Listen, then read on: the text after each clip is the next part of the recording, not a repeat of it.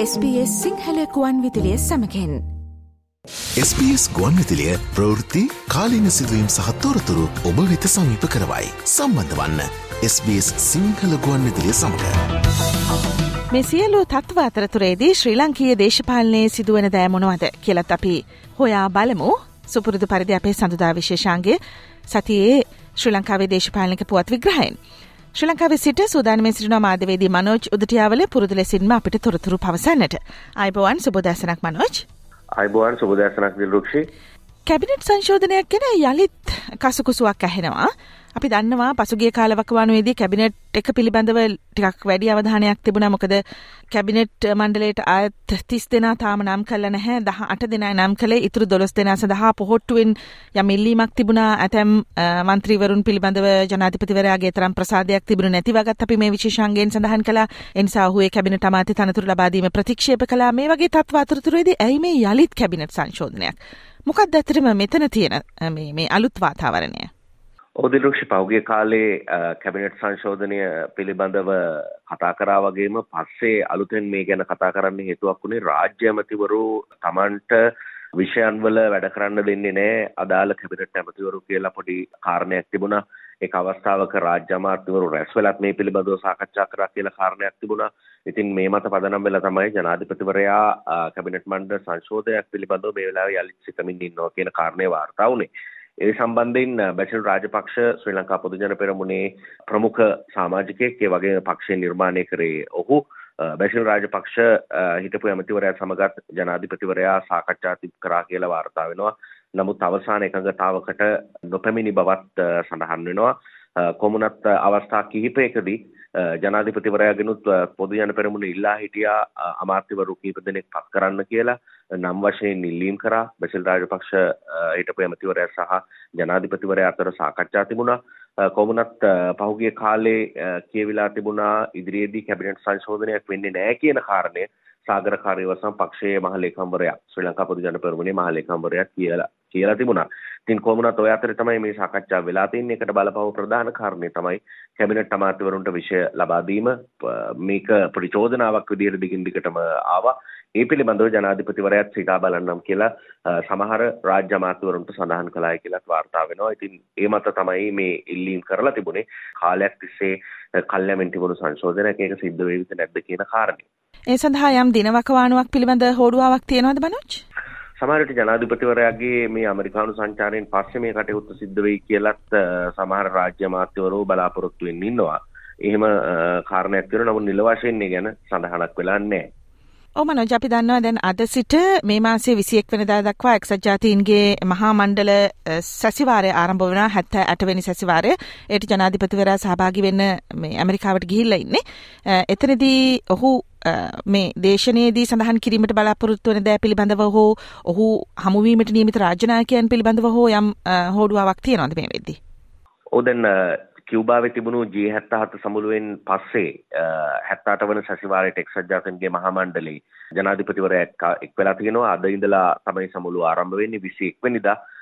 එක්සත් ජාතීන්ගේ මහමණ්ඩලේ ජනාධිපතිවරයා අමතන්නත් නියමිත වෙලාව තියෙනවා. නියමිත වෙලා තියෙනවා. දෙදස් තිහේ න්‍යාය පත්‍රය වෙනුවෙන් සාමය සෞභාග්‍ය ප්‍රගතිය සහ තිරසර භාවය මත පදරම්ව සංවර්ධ ඉලක්ක ජයගැනීමේ ක්‍රියාමාර්ගයේ වේගවත් කිරීමට විශ්වාසය අලිගොඩ නැංවීම සහ ගෝලිය සහයෝගීතාව ඇති කිරීම. ටිකක් දිග මාතෘකාවක්. මෙවර තේමාව වෙලා තින්නේ තේමාව. මේ තිරසර සංවර්ධන ඉලක්ක සමුළුවට රාජ්‍ය නායක සමුළුවටත් ජනාධිපතිවරයා සහභාගී වෙනවා කියලා වාර්තා වෙනවා.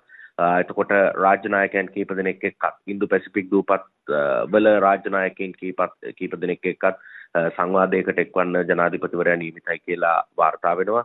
ඒ අනුව හෙටද අනිද්ද දවසේ 21 වෙනිදා තමයි මහා මණ්ඩලය අමතන්න නියමිත වෙලා තියෙන්නේ.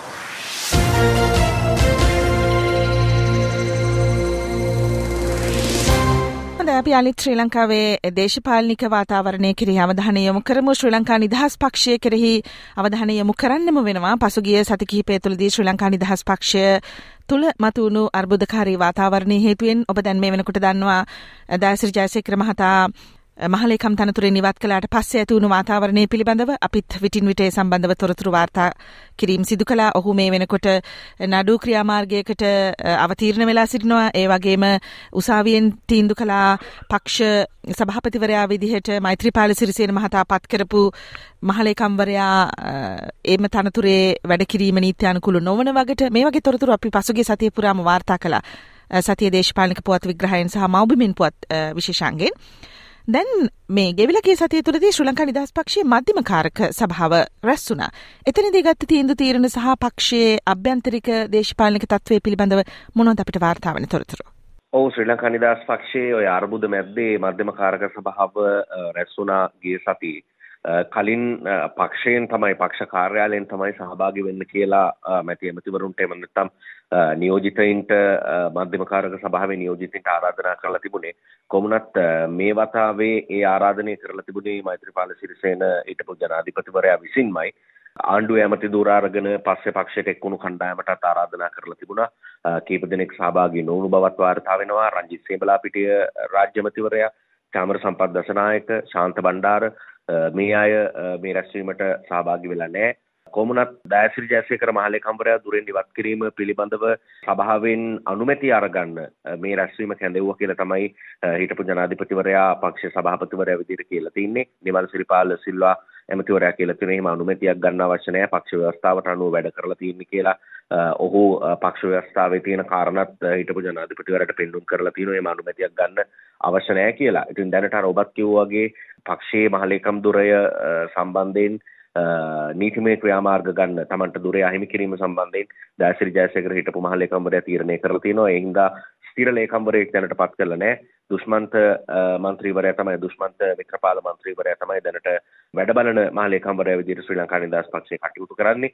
ඒත් එක්කම ඉදිරියේදී මහලේකම්වරයා තෝරාපත් කර ගැනීමේදී ඒ සම්බන්ධයෙන් තරගයක් දුමින්ද දිසානායක මන්ත්‍රීවරයා සහ සරත් ඒකනායක හිටපු මහඇමතිවරයා අතර ඇති වෙලා තියෙනවා කියලා වාර්තා වෙනවා.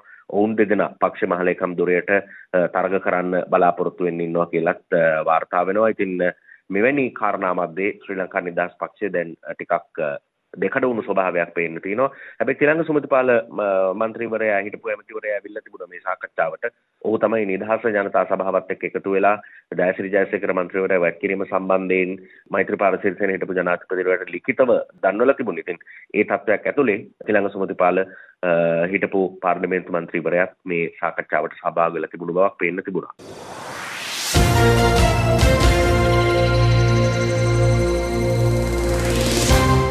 නිදහස ජනතා සභාව බොහොම සක්‍රියව ආසන බල මණ්ඩල රැස්වීම් පවත්වමින් ජනතා හමු පවත්වමින් ඒ වගේම අනිකුත් විපක්ෂ කණ්ඩායම් සමග සාකච්ඡා පවත්වමින් ක්‍රියා කරන ආකාරය අපි දකිනවා. මීට කලින් අපි වාර්තා කළා විපක්ෂ සජබෙත් එක්ක එකතු වෙලා සිදු කරපු සාකච්ඡා පිළිබඳව. දැන් ආසන බල මණ්ඩල රැස්වීම හරහා නිදහස ජනතා සභාව මේ වෙනකොට ජනතාවට ප්‍රකාශ කරමින් යන ඔවුන්ගේ මේ ඉදිරි මැතිවරණයක් සඳහා තියෙන සූදානම් කටයුතු කොහොමද? ඒ ගැන අපි ටිකක් විමසා බලමු මනෝජ් මොනවද අපිට වාර්තා වෙන තොරතුරු මේ සතියේදී? නිදහස් ජනතා සභාවේ මාතර ආසන බල මණ්ඩල රැස්වීම පැවැත්වුණා ගිය සතියේ ඩල සලහක් පෙරුම නිදහස් ජනතා සභාවේ නායකතුමාගේ ප්‍රධානත්වයෙන් තමයි පැවැත්විලා තිබුණේ. මේ සඳහා වීරසුමන වීරසිංහ ඔහු මාතර දිස්ත්‍රික්කයේ නියෝජනය කරන පාර්ලිමේන්තු මන්ත්‍රීවරයෙක් ඔහු පොහොට්ටුවේ කණ්ඩායමේ ක්‍රියාකලාපය ටිකක් වැඩිව විවේචනය කරලා තිනවා. පොහොට්ටුවේ මන්ත්‍රීවරුන්ගේ හෘද සාක්ෂිය ජනාධිපතිවරයා ගලවල සිරිකොතේ සේප්පුවේ දාලා තියෙනවා කියලා තමයි වීරසුමන මන්ත්‍රීවරයා සඳහන් කරලා තියෙන්නේ. කොමුණත් කණ්ඩායම රැස් වෙලා ටිකක් සතුටින් ඉඳලා තින්නේ හේතුව තමයි මන්ත්‍රීවරු වගේම සැලකිය යුතු පිරිසක් මේ රැස්වීමට ඇවිල්ලා තියෙනවා. ඒ ගැන නිදහසේ කණ්ඩායම සතුටින් ඉඳලා තියෙනවා. අරක්කුත් දීලා ඒ කියන්නේ මත්පැන් දීලා ජනතාව වෙතන්ට ගෙනාවේ නෑනේ කියන කාරණය සාකච්ඡා වෙලා තියෙනවා.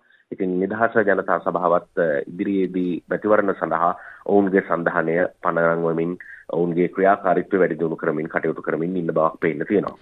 ඔව් හොඳයි. එතනදී නිදහස ජනතා සභාවේ අදහස් කීපයක් විමසා බැලීම වටිනවා. මේ නිදහස ජනතා සභාවේ නායක ඩලස් අලහප්පෙරුම මන්ත්‍රීවරයා ආසන බල මණ්ඩල රැස්වීමේදී පළ කරලා සිටිය අදහස්. ඊළඟ ආණ්ඩුවේ කවුද ජනාධිපති? ඊළඟ ආණ්ඩුවේ කවුද අගමැති කවුද කතානායක කවුද ආරක්ෂක ඇමති කවුද අධ්‍යාපන ඇමති මේව තමයි ලංකාවේ සන්ධාන හදනකොට ප්‍රධාන ප්‍රශ්න බවට පත් කරගන්න. ඉතිහාස හැම සන්ධාන දේශපාලනයක්ම ගොඩනැගුවේ තනතුරු මත. අපි වැඩපිළිවෙලක් වෙනුවෙන් පෙනී. අපි විශ්වාස කරනවා. මොකක් හරි ප්‍රතිපත්ති ප්‍රකාශයක් හදලා ලස්සන වචන දාලා අපි එහෙම ප්‍රතිපත්ති ප්‍රකාශයට කොච්චර ලියලා තියෙනවද? මෑතදී ගත්තත් සෞභාග්‍ය දැක්ම, මහින්ද චින්තන, රීගේනි ශ්‍රී ලංකා කොච්චර ලියලා තියෙනවද? ලස්සන වචන තියෙනවා. වැඩපිළිවෙලක් නැහැ. නිදහස ජනතා සභාවේ මන්ත්‍රී ඩිලාන් පෙරේරාගේ අදහසයි මේ ජනාධිපතිවරණය දිනන්නේ එක්කෙනයි. දෙවනියත් පරාදයි තුනත් පරාද හතරත් පරාද. හින්දා ජනාධිපතිවරණයේදී සියලු බලවේග ඒකරාශී කරගත යුතුමයි. අපි රෑ වැඩිච්ච බලය දවල් වැටෙන්නේ නෑ කියලා තීන්දුව කරන් ඉන්න මිනිස්සු. සජිත් ප්‍රේමදාසන ජනාධිපති වෙන්න ඕන. අනුර දිසානායකට ජනාධිපති වෙන්න ඕන. කොහොම එකතු කරගන්න වෙනවමයි. අපි ඒක හදලා දෙන්නම්. අපි සජබත් හමු වුණා. අපි ජජබත් හමු වුණා. අර අද එකක් කියලා හෙට එකක් තව එකක් කියන මෛත්‍රීපාල සිරිසෙනත් හමු වුණා. අපි හම්බ වෙන්නේ අයව එකතු වුණොත් තමයි දිනන්න පුළුවන් කියන්නේ.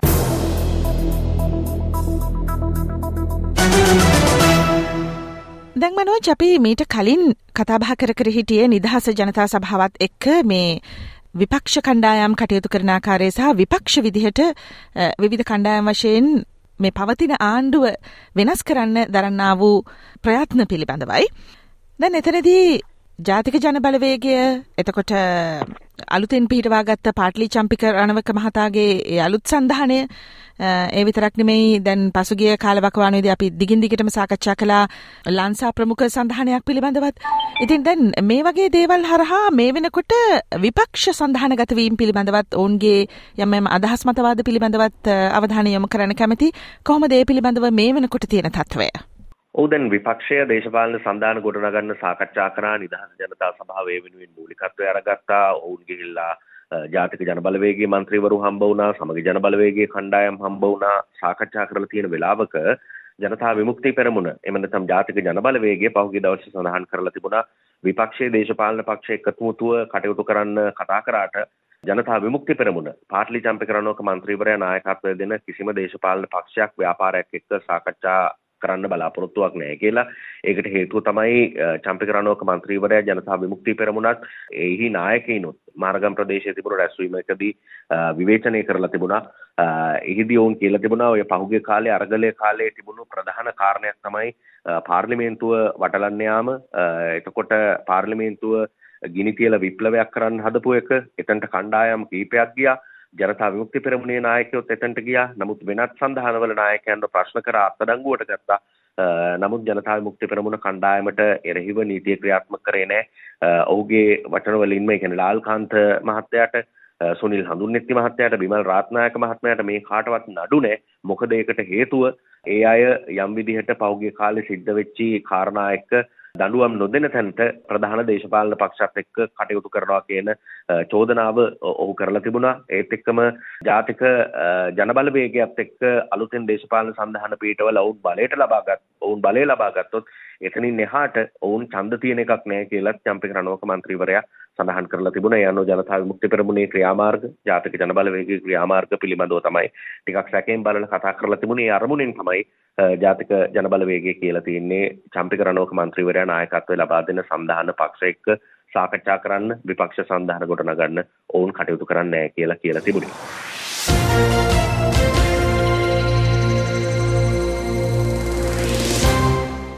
මීළඟ අවධානය ප්‍රතිත්‍රස්ත පනත එහෙමත් නැත්නම් ත්‍රස්ත විරෝධී පනත සම්බන්ධවයි ශ්‍රී ලංකාවේ පැවතුණු ත්‍රස්වාදය වැළැක්වීමේ පනත යම් සංශෝධන සහිතව පාර්ලිමේන්තුවට කලින් ඉදිරිපත් කළා. නමුත් ඒකට ලොකු විරෝධතා ඇති වුණා. ඊට පස්සේ හකුලා ගන්නට සිදු වුණා. ඊට පස්සේ යම් සංශෝධන සහිතව නැවත රැගෙන එන බව තමයි පැවසුවේ. දැන් මේ පනතට දැන් මේ පනත කැබිනට් එකට දාලා දැන් එතනිනුත් අනුමත වෙලා කියලා තමයි තොරතුරු වාර්තා වෙන්නේ. මනෝජ් එතකොට දැන් අර තිබුණු විරෝධතා පිළිබඳව තියෙන වාතාවරණය කොහොමද? ඒ සඳහා යම් සංශෝධන ගෙනල්ලා තියෙනවද? එහෙනම් ඒ මොනවද? මෙව තමයි ජනතාවට ඇති වෙන ප්‍රශ්න.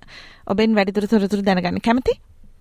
ඕදිල්ලුක්ෂී දැන් මේ පිළිබඳව පාර්ශව කීපයක් අදහස් දක්වලා තිබුණා කැබිනට් මණ්ඩලයට ත්‍රස්ත විරෝධී පනත ඉදිරිපත් කරලා තිබුණා කැබිනට් අනුමැතිය හම්බ වෙලා තිබුණා. ගැසට් මගින් දැන් ප්‍රකාශයට පත් කරලා තියෙනවා.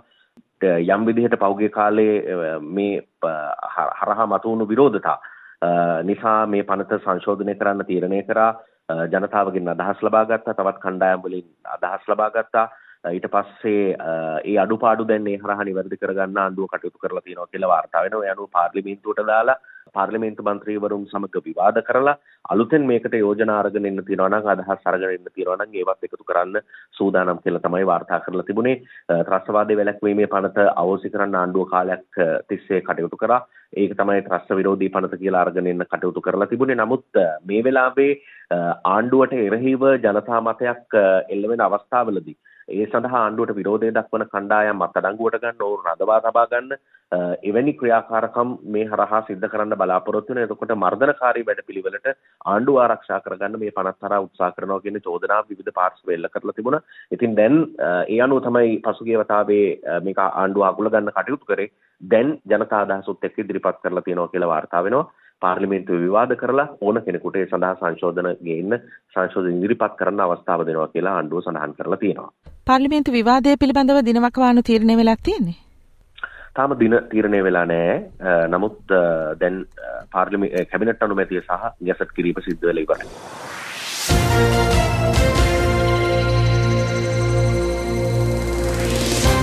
අවසාන වශයෙන් අවධානයට ලක් කරන්නේ ශ්‍රී ලංකයේ දේශපාලනය උඩු යටිකුරු කරන්නට සමත් වුණු චැනල් ෆෝ නාලිකාව විසින් විකාශනය කරන ලද ශ්‍රී ලංකාවේ සිදුවුණු පාස්කු ප්‍රහාරය හා සම්බන්ධව තොරතුරු ඇතුළත් වාර්තා වැඩසටහනත් එක්ක ඇතිවුණු ඒ වාතාවරණය පිළිබඳවයි. අපි දන්නවා ඊට පස්සේ ලොකු කතාබහක් ඇති වුණා. පක්ෂ විපක්ෂ මතවාද ඇති වුණා. මේවා බොරු කියලා කිව්වා. සමහරු කිව්වා මේවා විමර්ශනය කරන්න ඕන කියලා. ජනාධිපතිවරයා අවසාන වශයෙන් සඳහන් කළේ යලිත් වතාවක් කමිටුවක් පත් කරනවායි කියලා. මේ සම්බන්ධව වැඩිදුර විමර්ශනය සඳහා. දැන් එහි අලුත් අලුත් තත්ත්වය කෙසේද. මොකද අපි දැක්ක ජනාධිපතිවරයා කියනවා විශ්‍රාමික නීතිඥවරයෙකු ප්‍රමුඛ කමිටුවක් පිහිටවනවා කියලා. කමිටුව පිහිටුවීමේ තත්ත්වය පිළිබඳව සහ ඒ පිළිබඳව වාර්තාවන තොරතුරු මොනවාද? ඔව් මේ චෝදනා යම්මාකාරයකට ප්‍රතික්ෂේප කරමින් ඉන්නවා සාක්ෂි ලබා දුන්නු පුද්ගලයන්ගේ ක්‍රියාකලාපය ඔවුන් එහෙම සාක්ෂි ලබා දෙන්න වන අවශ්‍යතාව පිළිබඳව සාකච්ඡා කරමින් ඉන්නවා.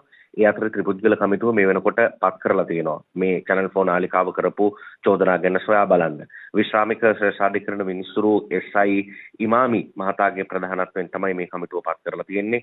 විශ්‍රාමික ගුවන් හමුදාපති ACM ජයලත් වීරක්කොඩි ජනාධිපති නීතිඥ හර්ෂ එස්ජේ සෝසා කියන මහත්වරු මේ හරහා පත් කරලා තියෙනවා. උන් තිදෙනාගෙන් සමන්විත කමිටුවක් ජනාධිපතිවරයා ඒ සම්බන්ධයෙන් සොයා බලන්න දැන් පත් කරලා ඉවරයි. හොඳයි මනෝජ් ස්තුතිවන්ත වෙනවා මේ ගෙවිලා ගිය සතියේ ශ්‍රී ලංකාවේ දේශපාලනික ශාස්ත්‍රයේ වඩාත් වැදගත් වෙන කාරණා අපිට සමීප කරන්න සම්බන්ධ වීම පිළිබඳව. එබනම් අපි හෙට ඔබව බලාපොරොත්තු වෙනවා. මෞබිමින් පුවත් විශේෂාංගෙන් හෙට ඔස්ට්‍රේලියානු වෙලාවෙන් උදේ වෙනකොට ශ්‍රී ලංකාවෙන් වාර්තා වෙන අලුත්ම තොරතුරු රැගෙන අපිත් එක්ක සම්බන්ධ වෙවි කියලා. එහෙමනම් බොහොම ස්තුතියි ආයිබෝවන්. බොහොම ස්තුතියි දිලුක්ෂ ආයිබෝවන්.